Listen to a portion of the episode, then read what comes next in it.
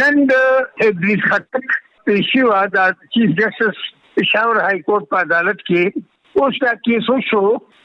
زه د ادریس خټک د وکیل په حیث باندې د هغه د رور د وکیل په حیث باندې ما جج صاحب ته دا وویل چې ادریس خټک چې دی د ملټري انټيليجنس سره دی او هغه په 13 14 یا 16 جون باندې میسنګ پرسن کمیشن ته دا اطلاع ورکړه چی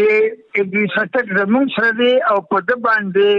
افیشل سیکرټ ایکټ لاندی انیس سو تریس دا یو قانون دی چې د سرکاري رازونه څوک اوټ کی هغه نور دنیا ته ته وښيي یا جاسوسۍ لپاره استعمال کیو پردي ملک ته وښيي نو په هغه باندې دغه ایکټ لاندې به موږ مقدمه چلو او هغه موږ د آرمي ایکټ لاندې نیولې نو ما عدالت ته وویل چې یو خو یو سیویلین سړی چې دی لکه ادریس خټک دا په فوجونو کې نه دی په یو فوج کې په ایرفورس کې نه دی په سمندري فوج کې نه دی په بري فوج کې نه دی نو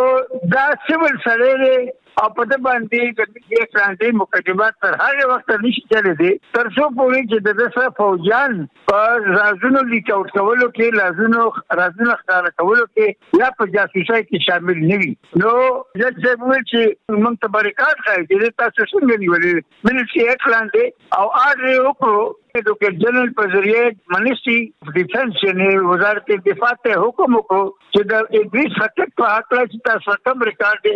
موږ ته پر راتلونکي تاریخ پیش کړئ یا د هغې مخکې نو تاریخ د اګست لسم تاریخ ورکړو نو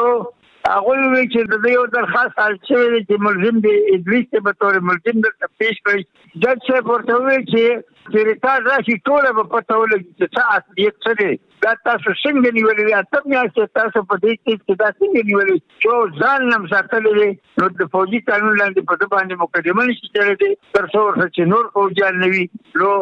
ریکارډ پیش کوي بیا به د هغې نه فیصله کوو دا یې په دیارلسم نومبر دوه زره او نهه باندې لیکلی و او دا نن د اګست چې کوم دی څلوېښتم تاریخ دی که نه نو د اتو میاشتو نه زما خیال دی چې پرې وخت واوړېدو جج صاحب نن پکې هغوی ته آرډر وکړو موږ په لسم اګست باندې به په دغه آرډر نور ګوري چې آرډر څه دی او څه څه څیزونه یې پېښ کړي نن چې کوم هغوی کوم یو دوه خط خطونه پېښ کړل یو دوه لیټرز یې پېښ کړل نو هغه همدغه دی یو دا دی چې دا موږ په دې کې موږ سره دی